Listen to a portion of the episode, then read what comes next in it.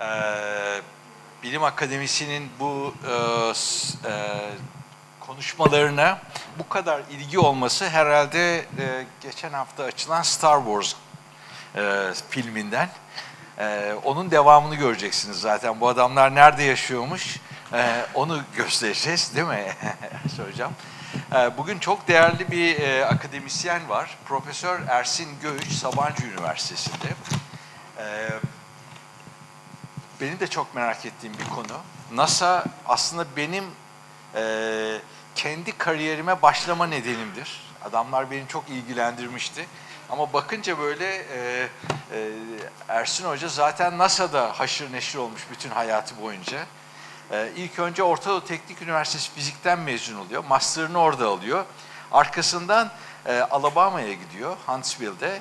NASA Marshall e, Space Flight Center'da e, doktorasını yapıyor.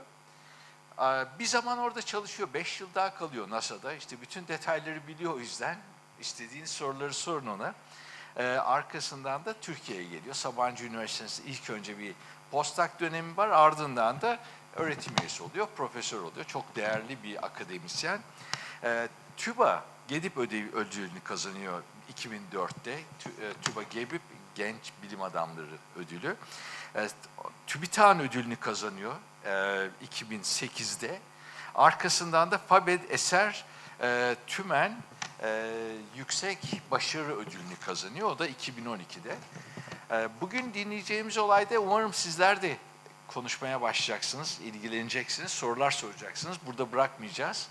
Ben bununla davet etmek isterim Ersin Hoca'yı.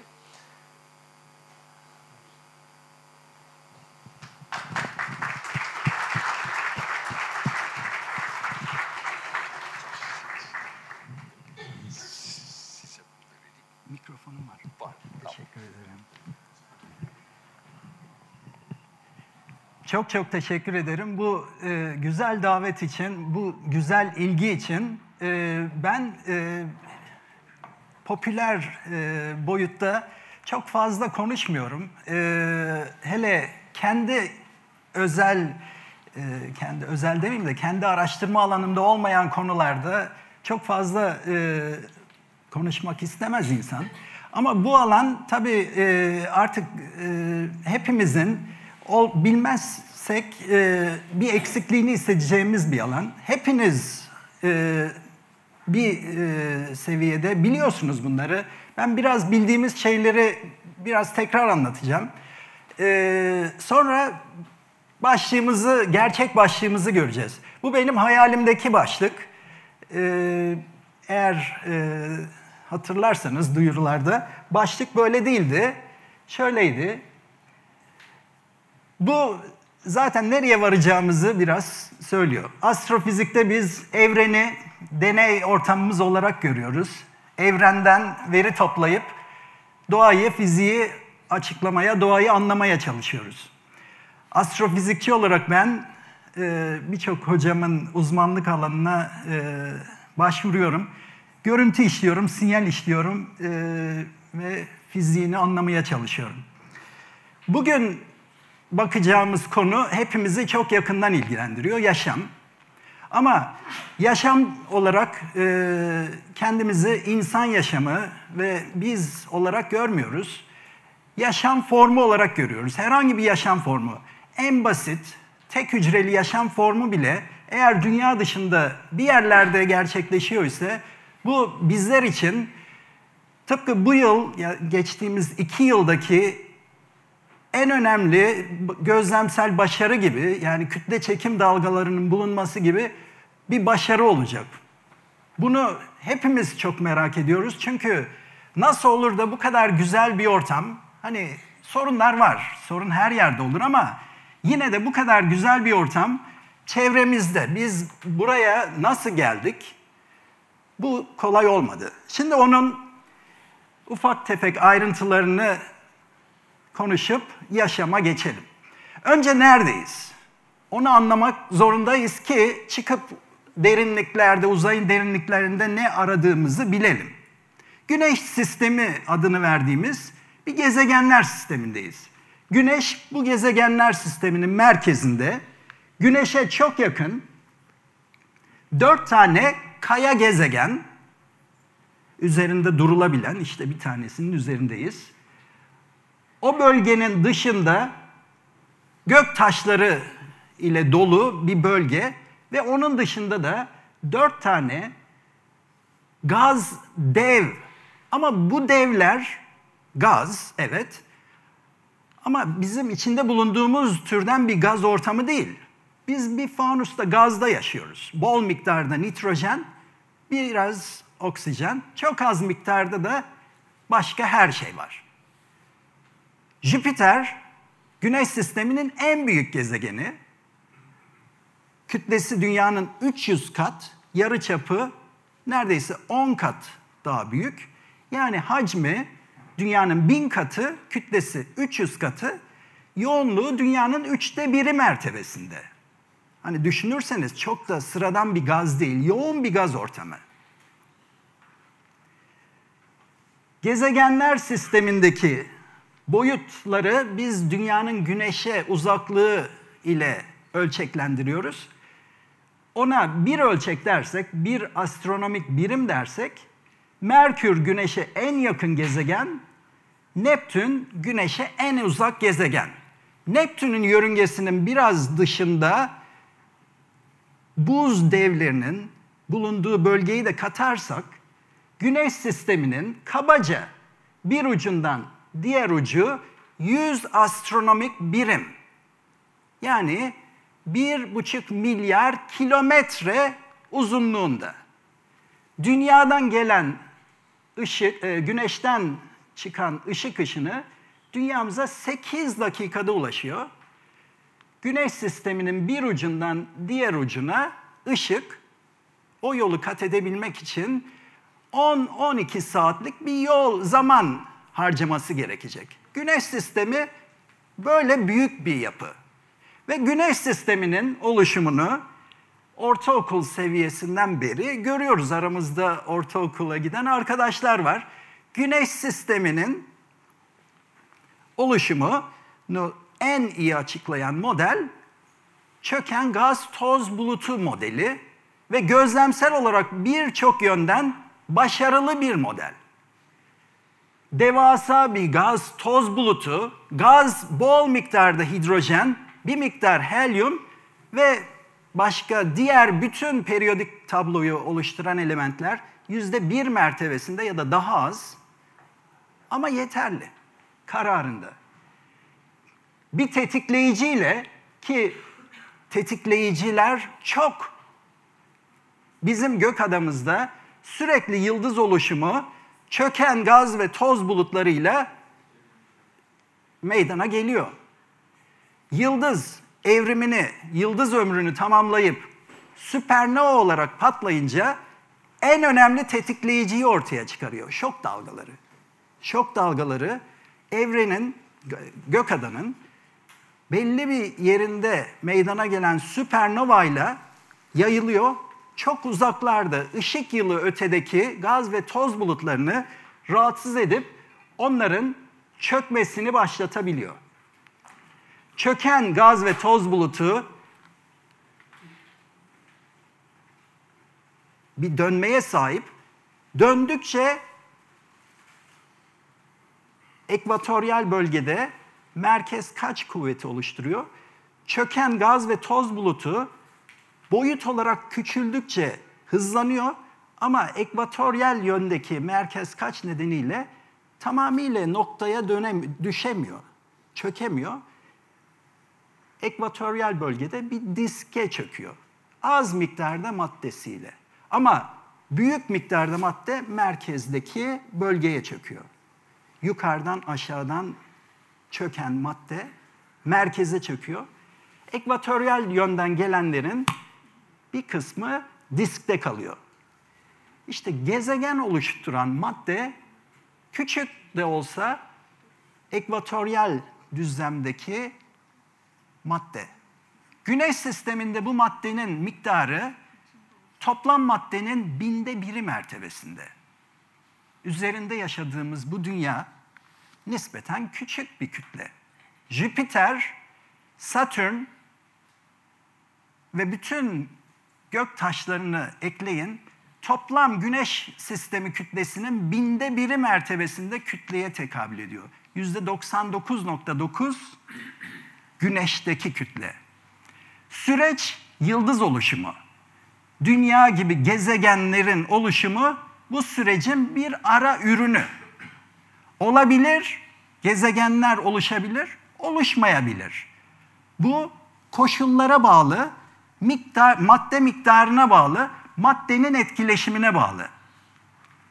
Güneş oluşum esnasında çok şiddetli güneş rüzgarları ya da oluşmakta olan yıldız rüzgarları savurur. Bu savurulan savurduğu rüzgarlarla çevresindeki uçucu gazları ki hidrojen bir örnek, karbon bir başka örnek çevresinden süpürüp atar. Dünya hidrojen fakiri bir gezegen.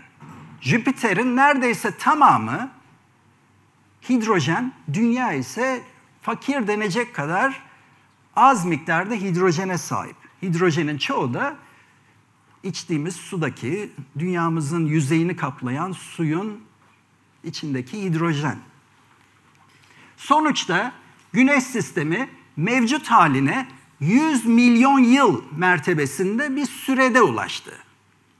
Güneş sisteminin yaşı 4.6 milyar yıl. Güneş sistemi 100 milyon yıl mertebesinde bir sürede şu anki haline çok yakın bir şekle büründü. 4.5 milyar yılda kabaca yaşanabilir bir ortama dönüştü, evrildi. Güneş sistemi oluştuğunda ortam büyük bir ihtimalle şu anki ortam gibi değildi. Gaz ve toz bulutlarından bahsetmişken bunu kafanızda canlandırmasını umduğum birkaç görüntüyü paylaşmak istiyorum sizlerle. İçinde bulunduğumuz Gökada Samanyolu. Samanyolu'nun diski bol miktarda yıldız içeren bölgeleri Samanyolu'nun diskinde yoğun gaz ve toz bulutlarının bulunduğu devasa bulutsular var. Onlardan bir tanesi Kartal bulutsusu.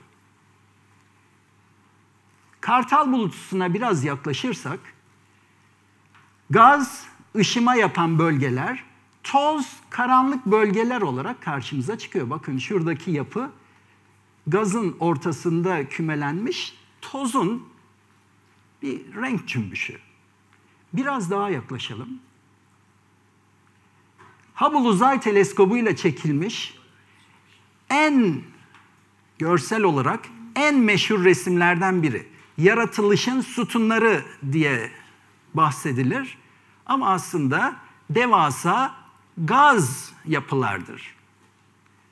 Bu gaz yapının üst kısmında bölgeye biraz daha yakından bakalım ve biraz daha yaklaşalım şu çıkıntıya. Bu yapıyla artık yeryüzüne yakın, yeryüzü dahil olarak fotoğraf çekebilen en hassas fotoğraf makinesinin Hubble Uzay Teleskobu'nun piksellerini görüyoruz. Ancak bu boyutta biz güneş sistemini ölçeklendirebiliyoruz. İşte şurada. Dünyanın bir zerre olduğu, devasa yapının bir ucundan diğer ucuna ışığın 10 saat gibi sürede ulaştığı yapı Hubble Uzay Teleskobu ile çekilmiş resmin bir pikselini bile doldurmuyor. Güneş sistemini oluşturan gaz, toz şu çıkıntı kadar. Doğal olarak bu bölgeyi rahatsız edecek bir şok dalgası, bir yoğunluk dalgası ya da evrimini tamamlayan güneş benzeri bir yıldız bu bölgede çökmeyi, çökmeyle beraber bir değil onlarca, yüzlerce yıldızın eş zamanlı oluşumunu tetikleyebilir.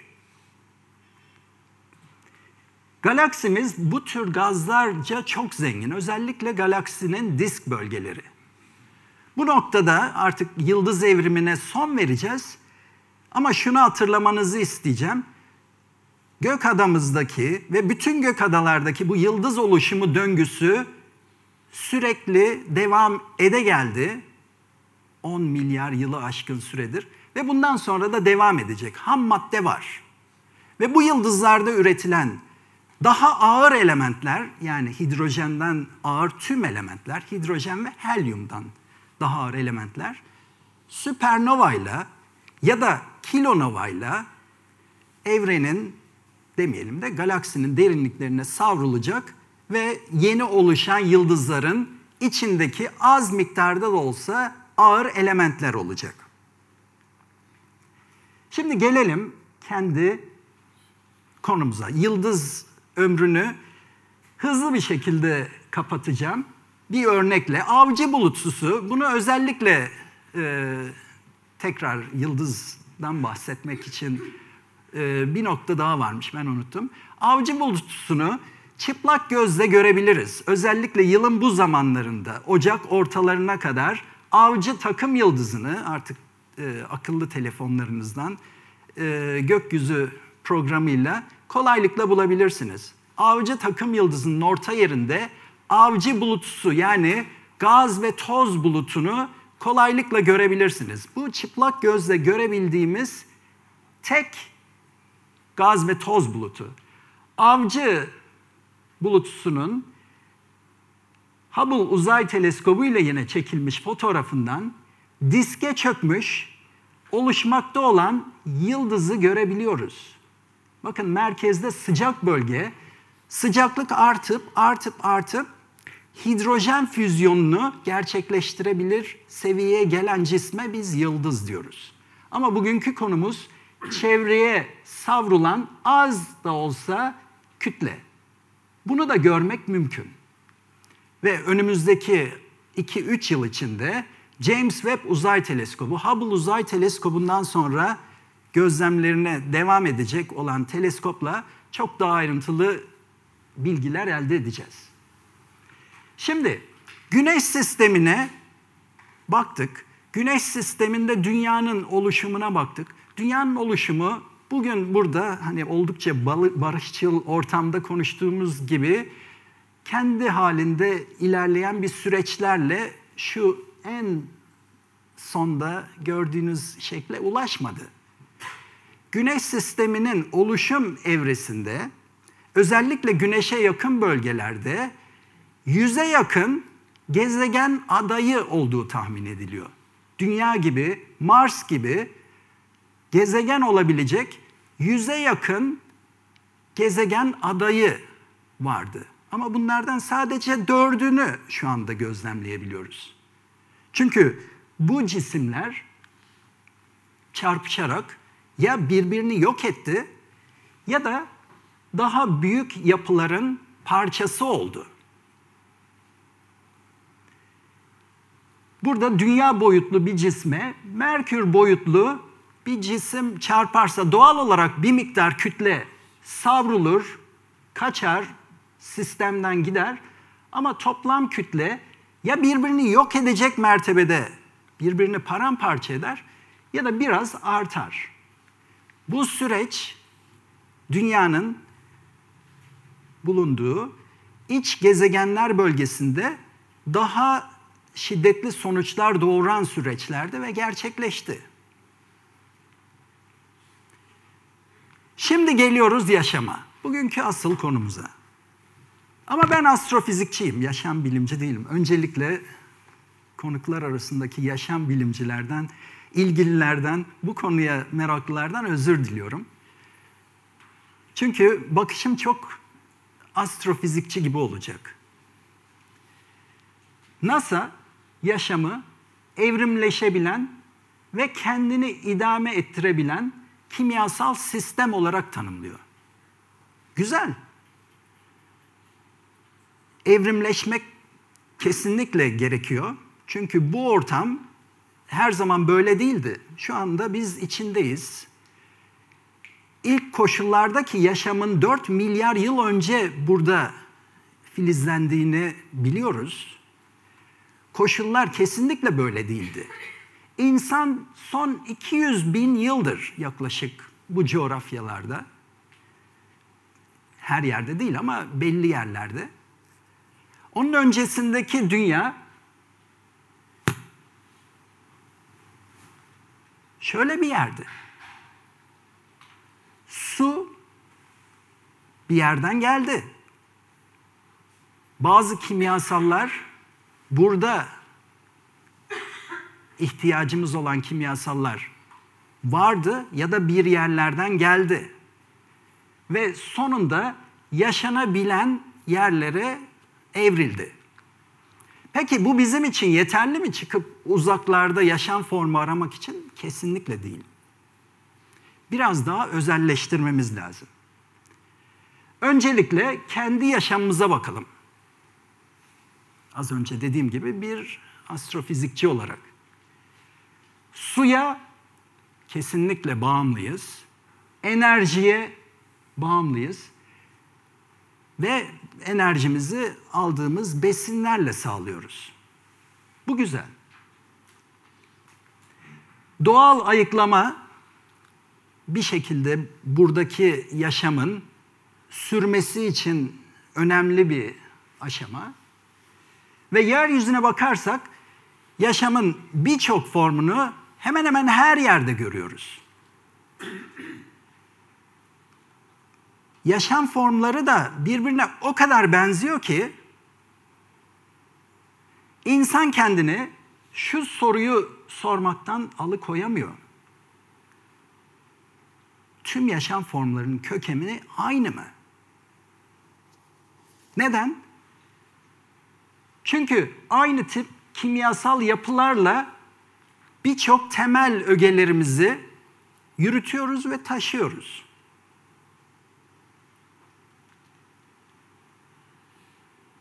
Bu tek hücreli mikroorganizmayla kompleks yapılara kadar geçerli. Ama bugünkü cevabını aradığımız soru o değil.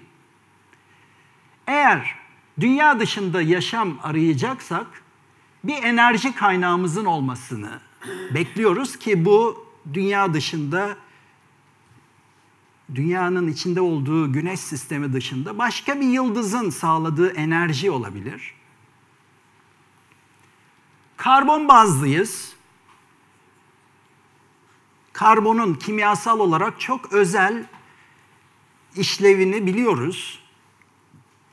Ve uzayda da gözlediğimiz kimyasallar içinde karbon hemen hemen her zaman karşımıza çıkıyor. Ve susuz yaşayamıyoruz. Suyun işlevini yerine getirecek başka çözücü de bilmiyoruz. Büyük bir ihtimalle elimize alıp yola çıkacağımız tarif bundan ibaret olacak. Ama çıkmadan önce yola size şunu da söylemek istiyorum.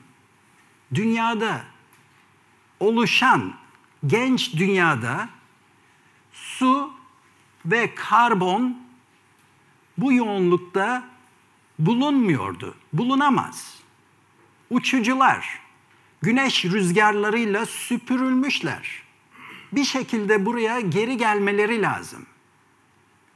Geri gelmenin en önemli yolu güneş sisteminin dış bölgelerinde şekil bulan, yapılanan gök taşlarının güneş yörüngesinde hareketleriyle dünya yakınına gelip dünyaya çarpması. Bu kulağa ne kadar olmaz böyle şey gibi gelse de böyle. Dünyanın oluşumu esnasında yaklaşık olarak 600 milyon gök taşı çarpmasıyla meydana geldiğini tahmin ediyoruz. 600 milyon çarpan gök taşlarının getirmesi gereken bizim hayatımızın temel taşı karbon. Onun için çok yakında birkaç bir sene önce duyurulmuş bir çalışma. Laboratuvar deneyleriyle karbon magmaya sahip Merkür benzeri bir yapının karbonca fakir genç dünyaya çarpmış olma ihtimali çok yüksek. Ben bunu doğal bizim yeraltı zenginliklerimizi anlatmakta kullanıyordum. Bugün e, karbon için kullanıyorum.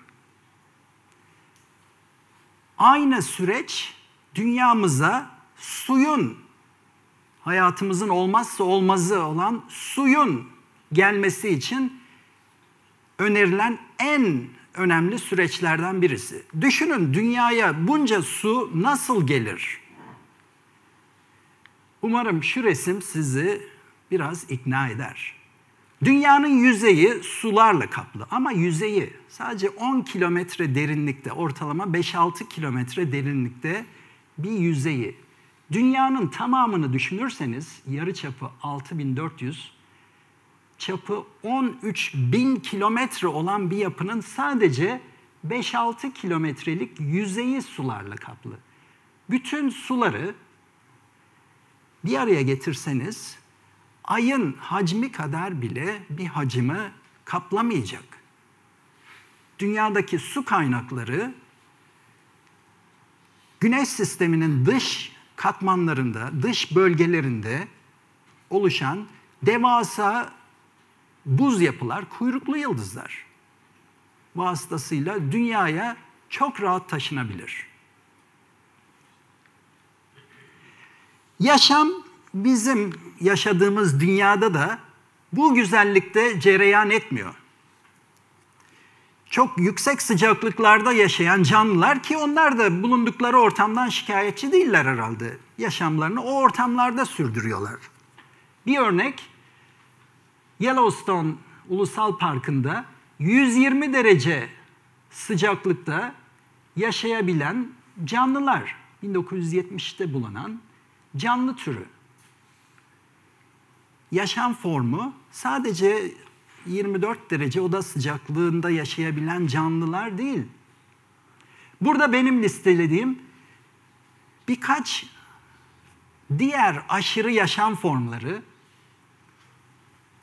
yüksek sıcaklıklarda bulunanlar aşırı sodyum ortamlarında ya da potasyum ortamlarda yaşayanlar, tuz gölleri gibi yüksek asidik ve yüksek basınçlı ortamlarda yaşayan canlılar ve onlar içinde en çok hoşuma gideni anaerobikler oksijene ihtiyaç duymuyorlar. Yerin kilometrelerce altında yaşamlarını sürdürebiliyorlar. Üstelik yer yüzeyine taşırsanız yaşayamıyorlar. Oksijen onları öldürüyor. Gördüğünüz gibi yaşam formu aramak için böyle güzel e, ortamları kendimize hedef olarak seçmiyoruz. Ama hepsinin ihtiyaç duyduğu temel bir bileşik suyu hep aklımızın bir kenarında tutuyoruz. Şimdi elimizde bir tarif var. Çık dışarıya karbon, yaşam, bizim yaşamımızın temel parçası ve su içeren yapıları bul.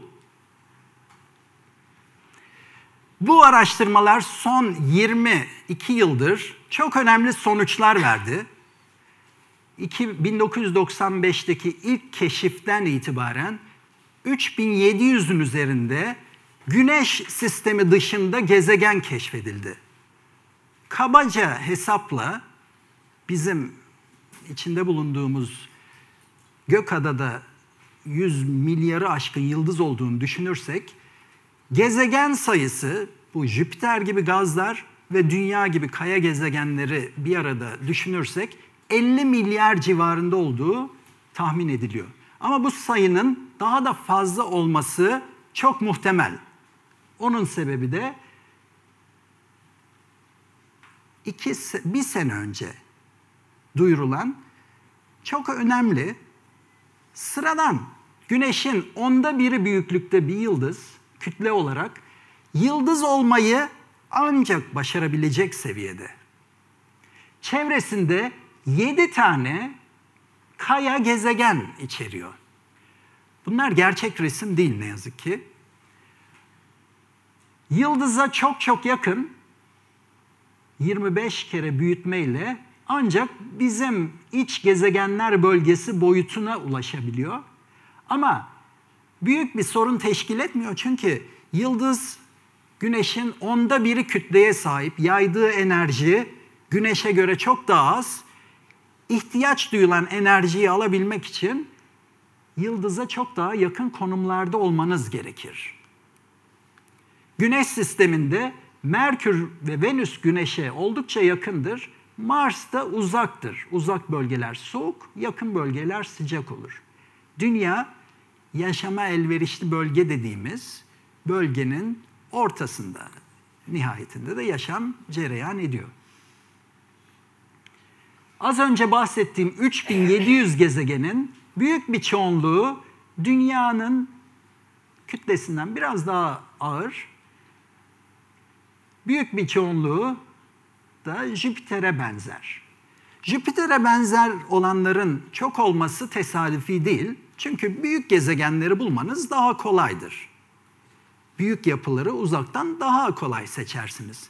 Eğer o yapılara uzun zaman bakarsanız bu gezegenlerin çevresi, bu sistemin içinde o gezegenden başka farklı gezegenler olup olmadığını da kolaylıkla belirleyebilirsiniz.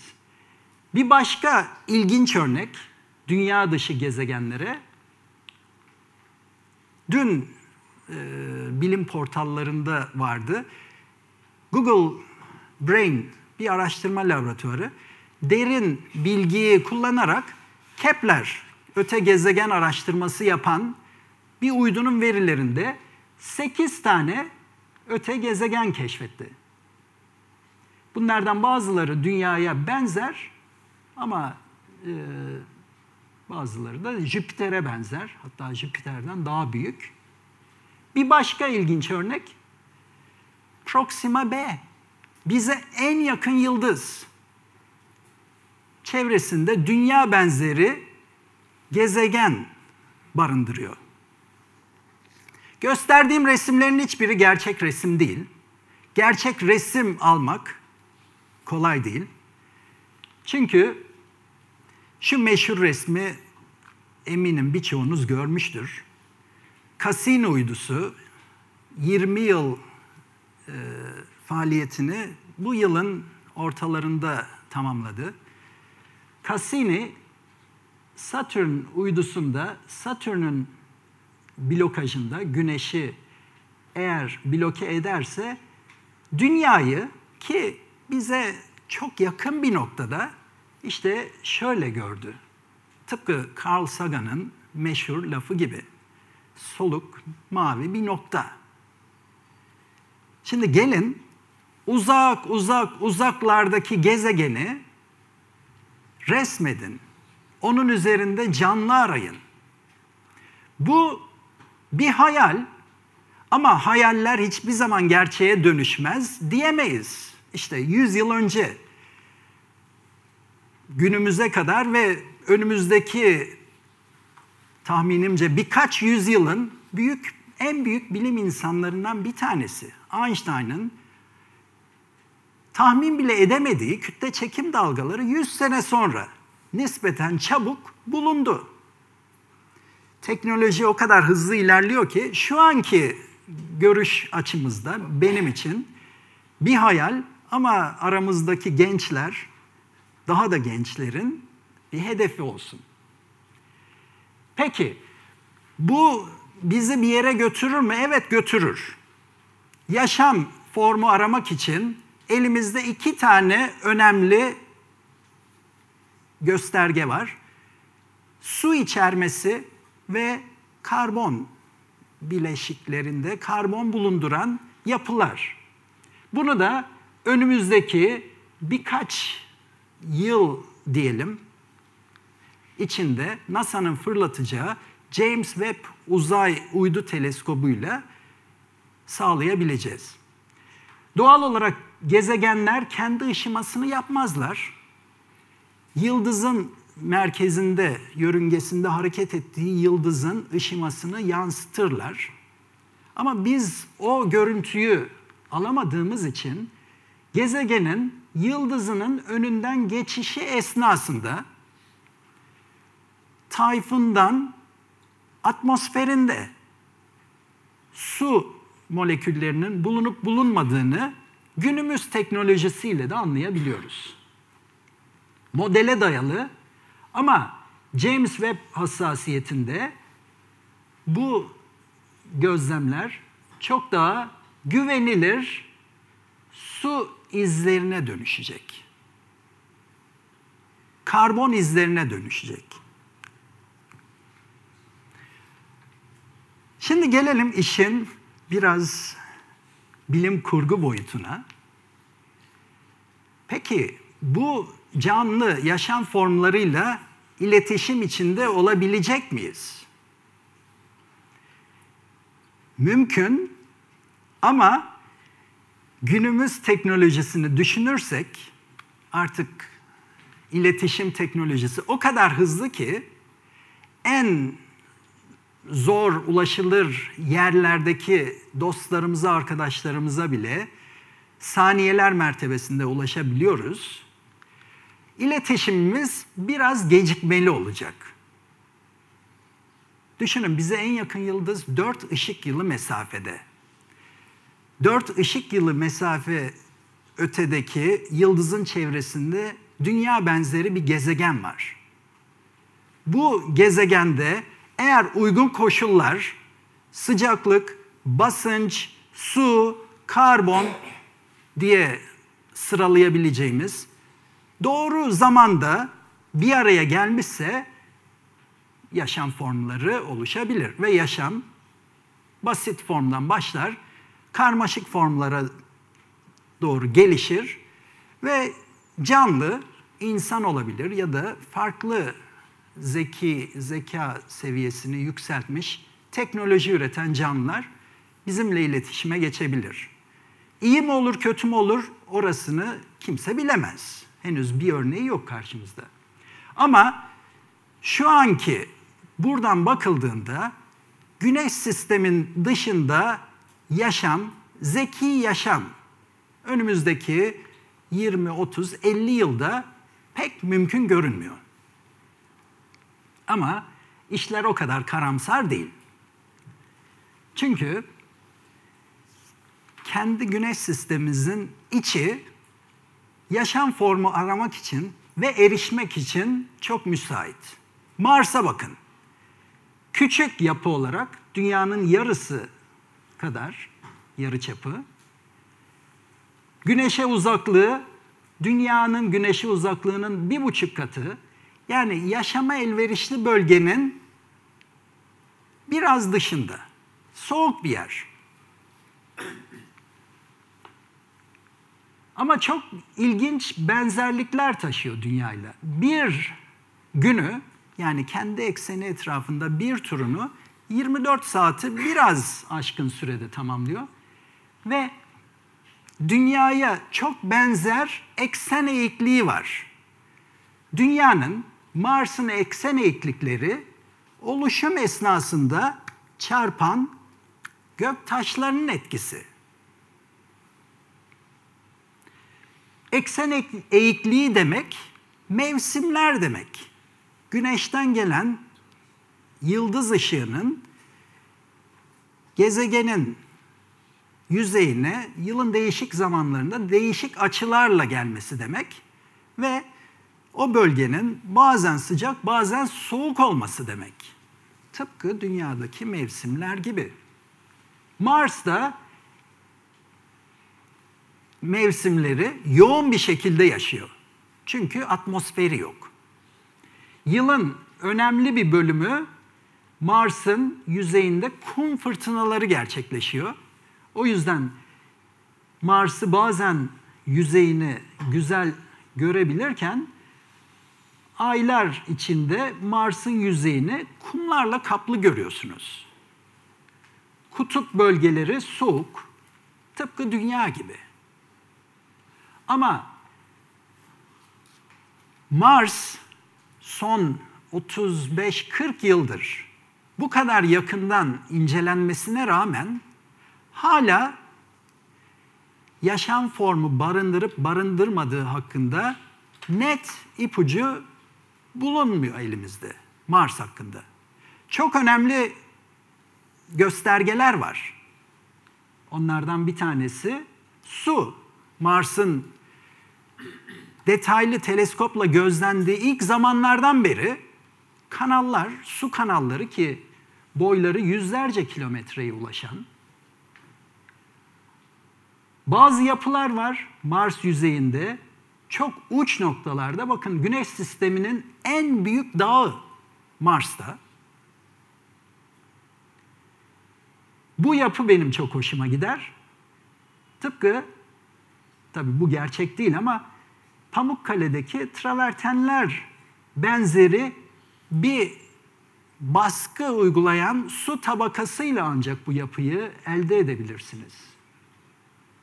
Mars yüzeyinde geçmişte su kesinlikle vardı. Hala var. 5 yıl kadar önce gözlem yapan bir uydu, Mars uydusu, Mars yüzeyinde mevsimsel olarak burada gördüğünüz boyut 100-150 metre civarında tuzlu su belirledi. 2014-2015 yazında duyuruldu. Bu çok önemli bir gelişme. Tuzlu da olsa su yaşamdır. Mars'ta yaşam için elverişli ortam var. Bu yüzey. Bir de yüzey altını düşünün.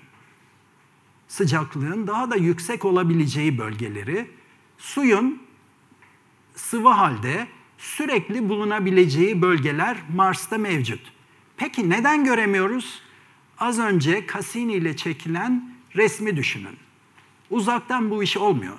Robotlarla bu iş mümkün değil. Mars'a gitmek lazım. Akıllı bir robotun gitmesi lazım. Yani robotlar akılsız değil ama doğal olarak insan kabiliyetini, insanın düşünce kabiliyetini oraya taşıyabilen yapılar değil. Sonuç olarak tabi Mars'ı geçmeden önce bir de metan bilgisini vermekte fayda var. Mars'ta mevsim ile değişen metan belirtileri var ki yaşam için önemli bulgulardan, önemli ipuçlarından bir başkası. Mars'a gidemesek de kolay bir şekilde Mars bize geliyor. Bunun en güzel örneği 1984'te Antarktika'da bulunan bir göktaşı. Bu göktaşının detaylı incelemesiyle Mars'tan yaklaşık olarak 16 milyon yıl önce koptuğu ve dünyaya 13 bin yıl önce düştüğü oldukça iyi mertebede biliniyor. Antarktika buzdolabı. Düşünün steril bir ortam, soğuk bir ortam. Oraya düşen yapı doğal olarak atmosferden geçerken biraz değişse de hemen soğuk bir bölgeye gidiyor. Ve orada soğuk bir bölgede biri bulana kadar özelliklerini yitirmeden durabiliyor. Bu yapının 10 yılı aşan detaylı incelemesinde karşımıza oval ve tüp yapılar çıkıyor. Fosiller, mikrofosiller. Ancak bu mikrofosiller dünyadaki benzerlerinden, okyanus derinliklerinde bulunanlardan 30 kat küçük yapılar. Genetik bilgiyi taşıyabilecek boyutlarda değil. Acaba genetik bilgisi bizimkinden farklı olan canlılar var mı? Olabilir. Bilim hiçbir zaman bir şeyin olup bir şeyin olamayacağını net ifadelerle en azından astrofizikte söylemiyor. Yaşamın adresi çok temel. Dünya, evet biliyoruz ve bize en yakın gezegenlerden bir tanesi. Biraz uzaklara gidersek ilginç başka yapılar karşımıza çıkıyor. Titan, Satürn'ün uydusu, en büyük uydusu Güneş sisteminin ikinci en büyük uydusu. En önemli özelliği ise kalın atmosfere sahip olması ve atmosferin %95'i azot ve metan içeriyor. Yüzeyine erişilmiş, çok fazla olmasa da detaylı bilgiler edinilen bir uydu, bir cisim ama tabii ki önemli bir destinasyon. Cassini ile hayatımıza giren Enceladus, Satürn'ün bir başka uydusu, bir buz bloğu ve buzu taze. Uzaktan algılamayla yapılan ölçümler buzun milyarlarca yıldır orada duran değil, kendini yenileyen yapılar olduğu yönündeydi. Ve çok değil 15 sene önce Cassini ile yüzeyinden püsküren su doğal olarak yüzeye ulaştıktan sonra donan ve yüzeye savrulan suyun Enceladus'ta bol miktarda olduğu ortaya çıktı. Şu anki en yaygın düşünce Enceladus'un yüzey altı suları ki dünyamızda da yüzeyin epey altında temiz içilebilir su rezervleri mevcut. Hidrotermal etkilerle yüzeyin dışına püskürüyor. Yaşam formu için uygun ortamlar. Ve Europa, Jüpiter'in uydusu. Karşımıza yaşamın erişilebilir mesafelerde ama büyük bir ihtimalle bizim kadar teknoloji geliştirmemiş formda olduğu adresler. Bence. İlgiyle dinlediğiniz için çok teşekkür ederim.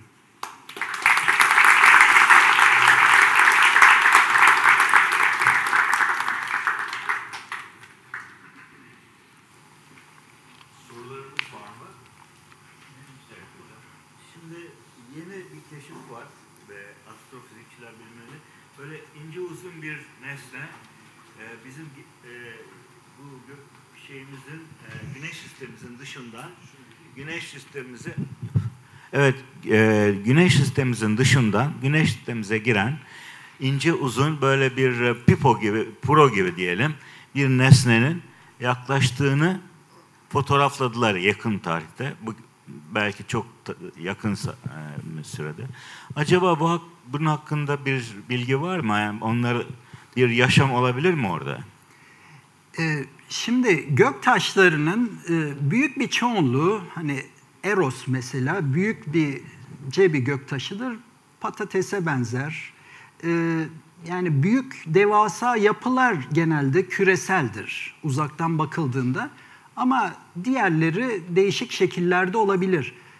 Ee, dünyaya yakın e, geçen yani sizin bahsettiğiniz güneş sistemine yaklaşan çok uzaktaki e, benim öyle bir e, bilgiye erişimim olmadı. Ama evet. e, dünyanın e, pardon güneş sisteminin dış bölgeleri e, bu parçalarca oldukça zengin. Yoğunlukla buz tabakalar e, ama onların e, uzaktan o kadar uzaklarda görüntülenmesi pek kolay gibi gelmedi bana ama Peki ikinci bir değilim. sorum daha var. Ee, kısa bir sorum daha olacak. O da şu, e, biz hep karbon merkezli, karbon bazlı bir yaşamdan söz ediyoruz. Peki silikon bazlı da olamaz mıyız? Çok çok güzel bir nokta. Ee, deneyici olarak karşımıza hiç çıkmıyor ise doğal olarak az ihtimal ama e, karbon olma ihtimali çok yüksek diyoruz. Ama Bütün elektronik nesneler yani e, yani e, bu robotların esas maddesi silikon. Doğru doğru.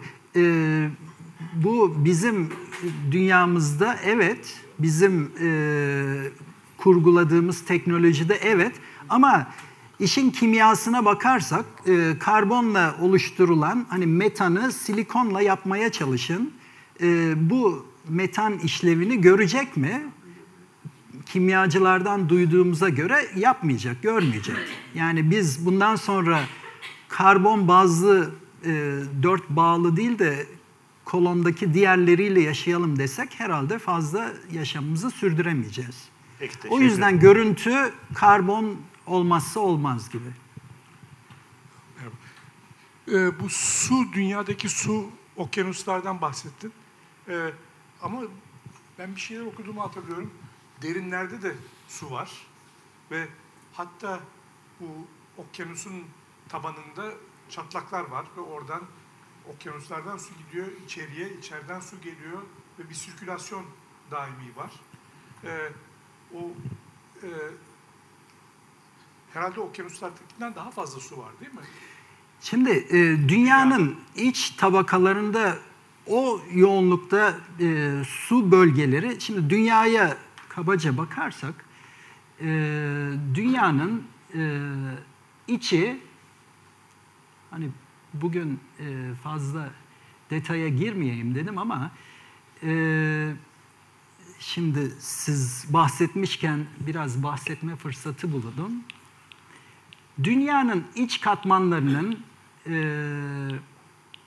ayrışık olması yani sıvı, katı çarpma ile oluşumun en önemli ve güzel göstergesi. Bunu ben derslerimde de çok hevesle öğrencilerin öğrenmesini istiyorum. Başka türlü içeriye katı çekirdek, daha az yoğun, daha da az yoğun magmayı koyamazsınız. Çarpışmaların etkisiyle karşımızda eriyik ki yoğunluklar birbirinden ayrışsın ve sonunda soğuyarak donsun. Şimdi su kendimiz merkezli olsaydı bu ortamda duramazdı, buharlaşır giderdi. Tabii bunun doğal soğuması yani radyasyonla soğuması da büyük bir ihtimalle e, evrenin yaşı kadar zaman alırdı. Demek ki dışarıdan gelen soğuk cisimler bunu bir termal dengeye dengeye oluş, e, eriştirdi. E, tabii dünya e, plakalardan oluşmuş. Buradan su sızabilir, su e, hidrotermal olarak geri gelebilir. Ama en büyük su rezervleri mesela Antarktika'nın altında devasa bir göl var. O da 5500 bin ton bildiğim kadarıyla su içeriyor. Büyük yeraltı su rezervlerinden bir tanesi. Benim bildiğim çok büyük yeraltı su tabakası yok. Bunu da sismik dalgalardan anlıyoruz. Eğer sismik dalgalar e, yer altında yoğun su bölgeleri olsaydı, işte sismik depremlerin yaydığı paralel giden ve dik giden dalgalarda bu kendini gösterirdi. Benim bildiğim büyük e, bir rezerv yok. Ama lokal olarak vardır. Ama bir tabaka, devasa bir tabaka olarak yok. Çoğunluk yüzeydeki.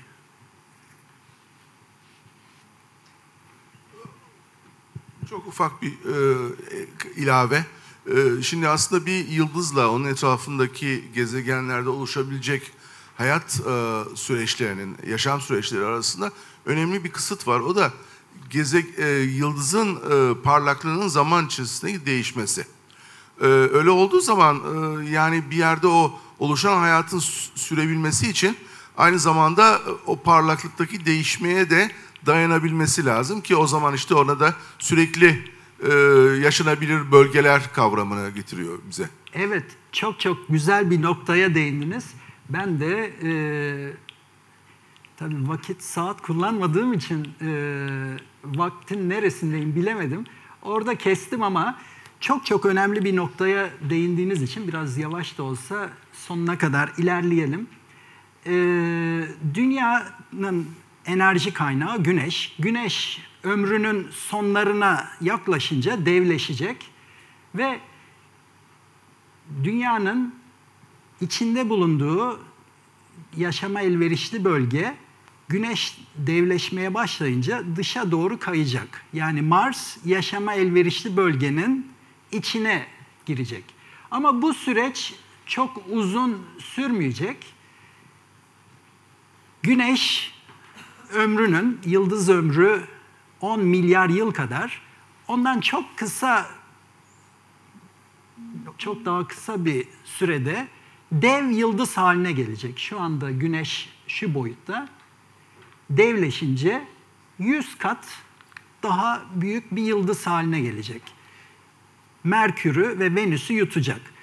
Ama Mars ki bol miktarda buz içeren yapı, yüzeyin alt katmanlarında su barındıran yapı, tuzlu da olsa büyük bir ihtimalle yoğun buz rezervleri eriyecek ve Mars yüzeyi büyük bir ihtimalle yarısı sularla kaplanacak.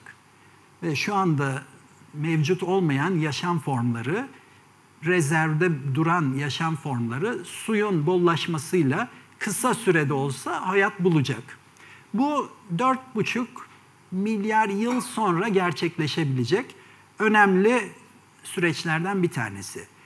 Ee, benzeri şekilde Satürn'ün uyduları da güneş ışığından daha fazla yararlanıp yaşama elverişli bölgenin ya içinde ya da çok yakınında olacaklar.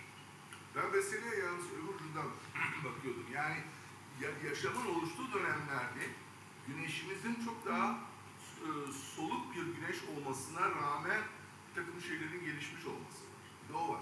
Bir de o var. Bir de o var tabii. Mars'tan düşen gök taşındaki yapı Mars'ta geçmişte yaşam olup olmadığı sorusunu hala çok canlı tutuyor.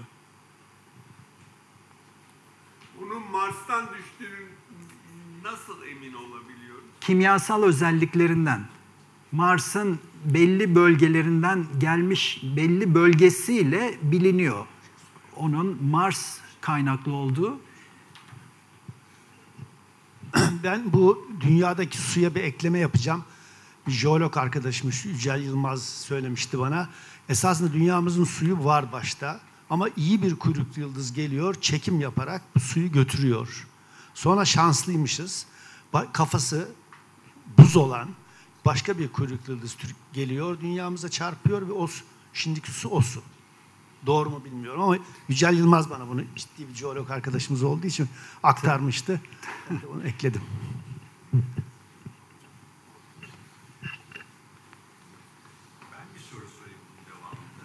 Peki suyun dünyada oluşması mümkün mü? mümkün ama kolay değil.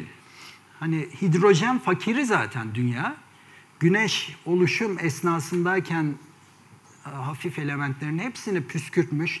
Jüpiter'in bulunduğu bölgeye atmış ya da daha ötesine. Jüpiter e, kendi toplayabileceği maddeye ek olarak bir de içeriden süpürülen maddelerle devasa yapıya ulaşmış. Bunun büyük bu denli büyük miktarda rezervin dışarıdan geri gelmesi lazım. Başlangıçta nasıl olmuş? Ben de şimdi o yutan e, yani bu ortamda karbon ve hidrojen bu denli karbon ve hidrojenin bulunma ihtimali çok zayıf. Dışarıdan beslemeyle ancak bu seviyeye erişir. Yani uzay madenciliği gibi bir şey Jüpiter'den gidip getirmek. Ama bunu geçmişte yapan aracılar boldu. Şu anda güneş sistemimizin iç bölgeleri oldukça tenha. Çünkü çarpacak bir şey kalmamış ortada. Çarpanlar çarpıp bir parçası olmuş ya da paramparça olmuş.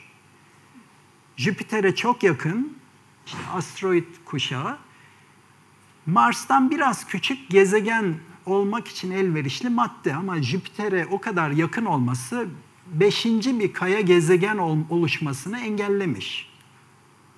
Orada serbest dolaşan e, gök taşları doğal olarak en yakın cisim olan Mars'a sürekli çarpıyorlar. O çarpmanın etkisiyle kopan parçalardan bir tanesi olduğu düşünülüyor. AL 81. O asteroid kuşağını söyleyince böyle fantazi bir şey de geliyor. Fantazi değil tabii de yani bilinen bir şey. Bu Titius Bode yasası yasamsısı diyelim belki yani bilmiyorum ama yani yine de soru işareti acaba niye öyle bir yasamsı bir durum var ona dair bir yanıt var mı? Kepler e, gibi yani e, bu kadar çok ama önemli bir de uyum gösteriyorlar. Ee, şu anda net bir açıklama yok. Hala ampirik. Şimdi gezegen ölçümünün, ge- gezegen gözlemlerinin dışında çok farklı bir boyutu daha var bu arayışın. Mesela SETI projesi var biliyorsunuz. Radyo dalgalarını beklemek, dinlemek yani bizim ömrümüzde herhalde mümkün olmayacak bir şey bu. Ne kadar geçerli bir yöntem. Bizim yani 100 yıllık ömrümüzde nasıl bir evrenden sinyal yakalayabiliriz? Ben e, bir ay, bir buçuk ay önce e, iki nötron yıldızı çarpışıp kütle çekim dalgaları oluşturdu. Duydunuz. E, ve e, onunla birlikte elektromanyetik dalga da geldi. Bu beni biraz üzdü. Çünkü hep kütle çekim dalgaları olsa da ışık hızından daha hızlı gidebilir mi diye bir şey vardı gönlümün bir yerinde. Ama kütle çekim dalgaları da ışık hızında hareket ediyorlarmış. Ee, radyo dalgaları da yayılan ışık ışını, dalga boyu uzun olan bir ışıma. Ee, doğal olarak e, en yakın, en uzak noktalara belli zamanda ulaşacak. Ee, yani haberleşmek, günümüz haberleşme normlarında e, pek kolay görünmüyor. Hani bize en yakın yıldız Proxima Centauri'ye bile en basit bir mesajımızı 8 yıl sonra cevap alacağız. Bugün merhabaya merhaba cevabı için 8 yıl beklenmez. Ama e, e, eğer bizi duyarlarsa ve algılarlarsa, anlarlarsa ne demek istediğimizi bu e, meşhur Voyager'da giden Türk mesajını dinlemişsinizdir. Biz dinlesek ne anlarız, ne deriz bu adama? Onlar da herhalde bir cevap verirler. Bir ara bir şeyi gösterdin. Ee, dünyaya Merkür boyutlarında bir şey çarpıyor falan filan. Ben şimdi dedim ah ayın oluşması hakkında bir şey söyleyecek. Ama o bir ara öyle bir teori vardı değil mi? Ay böyle oluştu. Ama o sanki o teori şimdi tartışılıyor galiba. İlla da kesin gözüyle bakılmıyor. Yani ben kafam karıştı yani. En son durum nedir orada? Evet, ayın e, acaba e, gene hala üçü ön planda. Dünyadan kopan parça çarpmanın etkisiyle ya da yörüngeye girmiş ya da dünya ile eş zamanlı hani güneş sistemi gibi oluşmuş. Bunda henüz dışlanmış net bir kanaat yok. Peki diğer gezegen uyduları Jüpiter'in bilmem kaç tane var. Tabii Jüpiter'in dört tane bilinen, bu Galile'den beri bilinen uyduları büyük bir ihtimalle mini güneş sistemi gibi oluşmuş. Yani merkeze çöken madde, merkezde büyük kütleyi, çevreye, ekvatora savrulan kalıntı disk de küçük yapıları oluşturup ahenkte götürmüş. Ama Jüpiter'in yüze yaklaşmadı ama 75-80 civarında olan diğer küçük uyduları yörüngeye girip kapılan cisimler.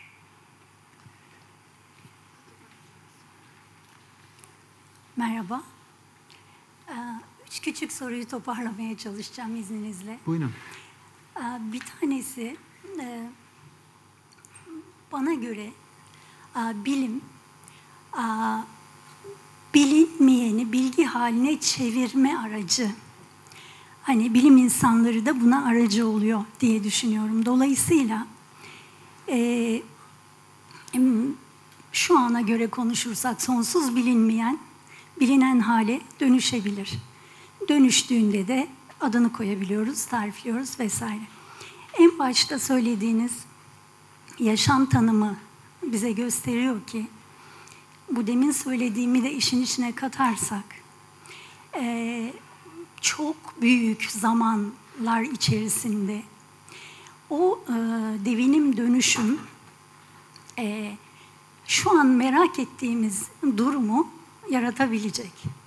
O nedenle hani asla kesin zaten bilim bunu demez de ama e, büyük bir çoğunluk bilinmeyen tarafta olduğundan ve o çok kolay e, speküle edilebilecek bir durum olduğundan hani dünyayı, insanlığı evirip çeviren konumda. Dolayısıyla e, ben çok isterim ki baştan önünü kestiniz. Hani ben bu işin bilim tarafıyla ilgiliyim dediniz ama en azından meraklılarına hmm, ne bileyim e, vaktinizi ayırabilirseniz böyle minik minik workshoplar falan yapmayı düşünüyor musunuz? Bilimle o bilinmeyeninin e, en azından kesişme noktalarında bir şeyler e, üretebilmek ve ürettirebilmek için. Bir tanesi bu. Bir tanesi e, şok dalgalarıyla e, güneş patlamalarıyla oluşan manyetik dalgalar farklı şeyler değil mi? Bu. Bir tanesi de benim çocuk e, çocukluktan beri merakım. E, küçükken e, böyle sarı ışık şeklinde yıldızlar görürdük biz gökyüzünde. Çok uzun bir zamandır gökyüzüne baktığımda daha çok yani e, bu benim gö- yani dört gözle gördüğüm şey yanlış olabilir.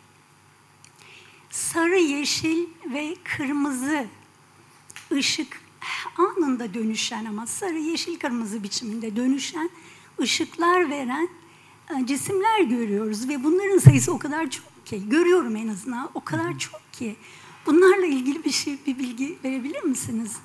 Teşekkür ederim. Rica ederim. Ee, şimdi ilk bahsettiğiniz konu benim de kişisel olarak el verdiğince, zamanım olduğunca yapmaya gayret gösterdiğim bir şey. Ee, meraklılarıyla bildiklerimi, bildiklerim seviyesinde paylaşmak, bilmediklerimi de bilenlere yönlendirmek. Ama e, bu e, işte sizin e, gibi insanların da aracı olarak hani bu paylaşımda bir birlikte yapılacak e, çalışma. E, araştırmayı ben düşünürsem yani araştırmada e, doğal olarak e, bazı şeyleri e, yapmaya gayret gösteriyoruz. Aynı şekilde bunu e, paylaşmak kolay değil. En azından benim için e, bu işte ya o yönde becerim yok e, ya da işte sabrım yok bilmiyorum. Ama bu bir meziyet. E, bu bilimini e, herkese sanki e, böyle çocuklara masal anlatır gibi anlatmak kolay bir meziyet değil. Bilim camiasında da bunu yapabilen çok hocalarımız var. E, umarım onlarla beraber bizler de öğreniriz, bir şeyler yaparız. E, şimdi e, ikinci sorduğunuz soru güneşteki e, şu andaki patlamalar manyetik alan e, etkisiyle güneşten savrulan kütle yüklü parçacıklar. E, bu güneşin oluşumu esnasında yaydıklarından biraz farklı. Orada güneş e, rüzgarları şu anda yayılana benzer ama çok daha şiddetli boyutlarda yüklü parçacıklar e, güneşten e, savruluyor ve çevresindeki hafif elementleri de beraberinde süpürüyor. Çünkü bu rüzgarlar doğal olarak bir basınç oluşturuyorlar.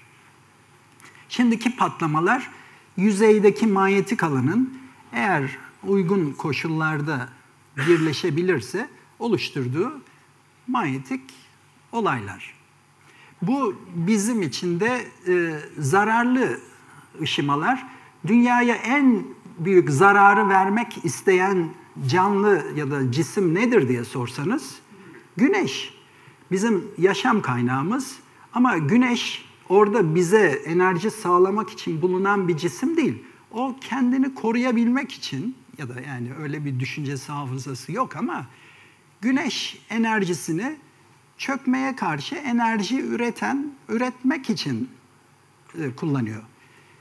İçeriden dışarıya olan radyasyon basıncıyla kütlenin onu üzerine çökmesini e, durduruyor.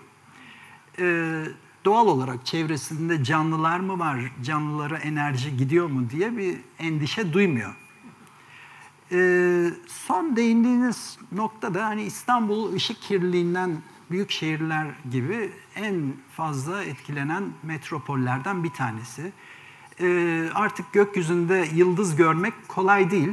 Ama az önce bahsettiğim avcı takım yıldızı hala görünüyor. Yani ışık kirliliği o boyutlara gelmedi.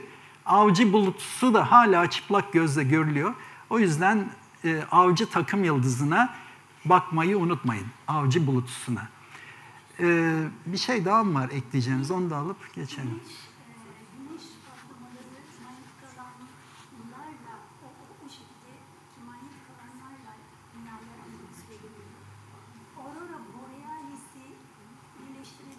Yani Tabii. Tabii. Aurora Borealis, güneşten gelen yüklü parçacıkların dünyanın atmosferindeki bol miktarda azot ve oksijenle etkileşimiyle ortaya çıkan ışıma. Dünyanın atmosferi azot zengini, e, oksijen zengini. Aurora Borealis bölgesi yani kutup ışıkları, benzeri ışıklar Güney Kutbu'nda da var. Kuzey kutbuna doğru yönelen manyetik alan çizgileri boyunca hareket eden yüklü parçacıklar o bölgedeki azot ve oksijeni iyonlaştırıp ışıma yapıyorlar. Buna biz e, kutup ışıkları ya da aurora borealis diyoruz. Şok dalgaları da Ha, şok dalgaları farklı. Şok dalgası umarım hiçbir zaman kimse yaşamaz. Bir bombanın öldürücü etkisi. Yani bomba burada patlarsa neyin içine koyulmuşsa o patlar. Ama sarsıcı, öldürücü etkisi yaydığı şok dalgalıdır.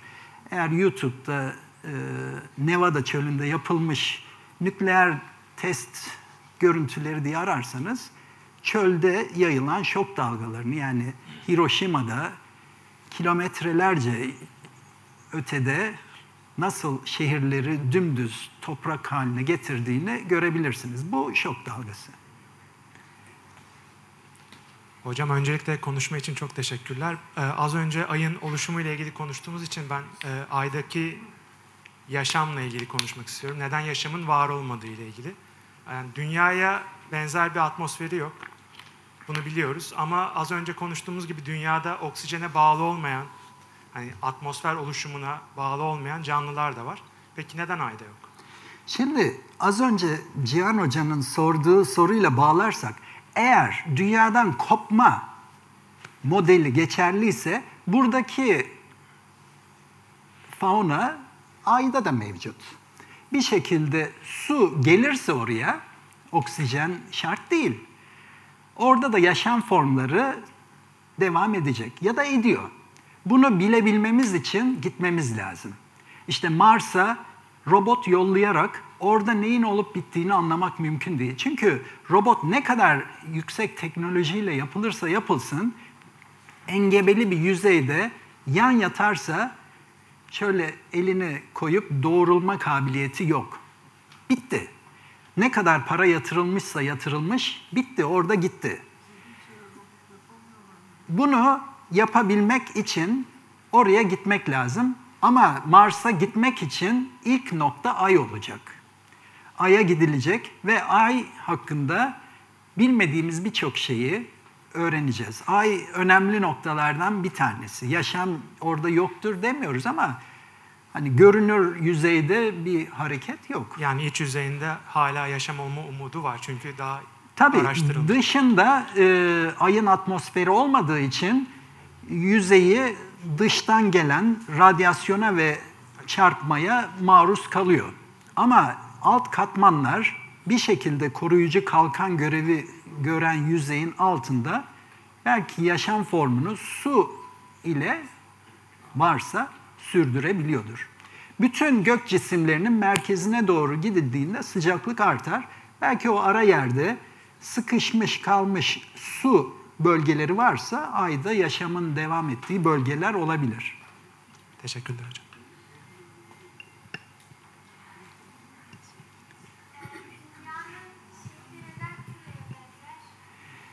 Çok çok güzel bir soru. Dünyanın şekli neden küreye benzer? Şimdi cisimlere uzaktan bakarsak küre görürüz. Biz dünyaya, bugün şuradan binadan dışarıya çıkalım, dünyayı dümdüz görebiliyor muyuz? Değil, engebeli. Ama çok uzaktan bakarsak cisimlerin o küçük ayrıntılarını göremeyiz. En gelişmiş teleskoplar bile göremez. İşte buna bir örnek de ben sunum fazla uzamasın diye bazı şeyleri en sona koydum. İyi ki sordum bu soruyu da.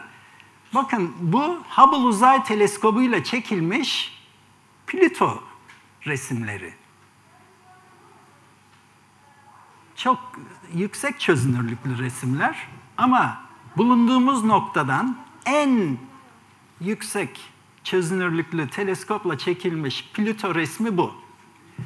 Ama Plüto'ya çok yaklaşan yeni ufuklar New Horizons 2015'in Haziran'ında Plüto'ya çok çok yaklaştı ama burada hala üzerindeki kameraları devreye sokmadı.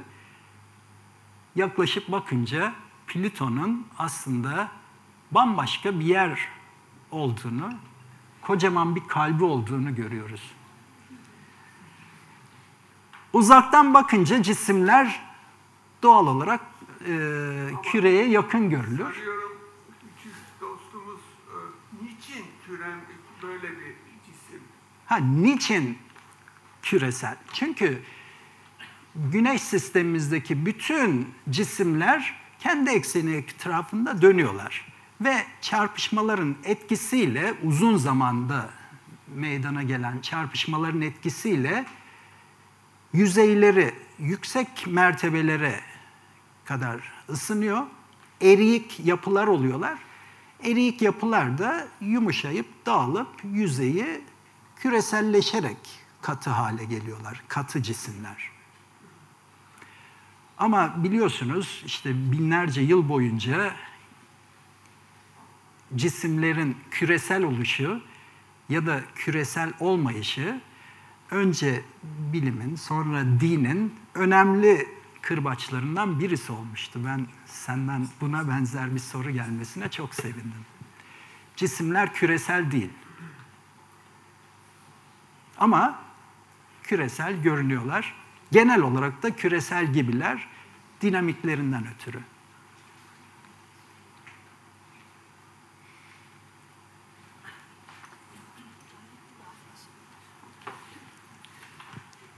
Soralım başka bir soru var mı? O zaman e, tekrar çok teşekkür, teşekkür ederiz Ersin Hoca'ya. Çok güzel bir gündü.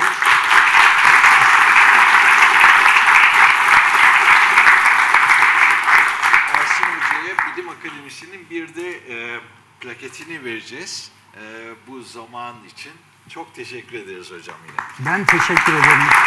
Çok teşekkürler. Geldiğiniz için tekrar teşekkürler. Bekliyoruz sizleri. Bir dahaki sefere.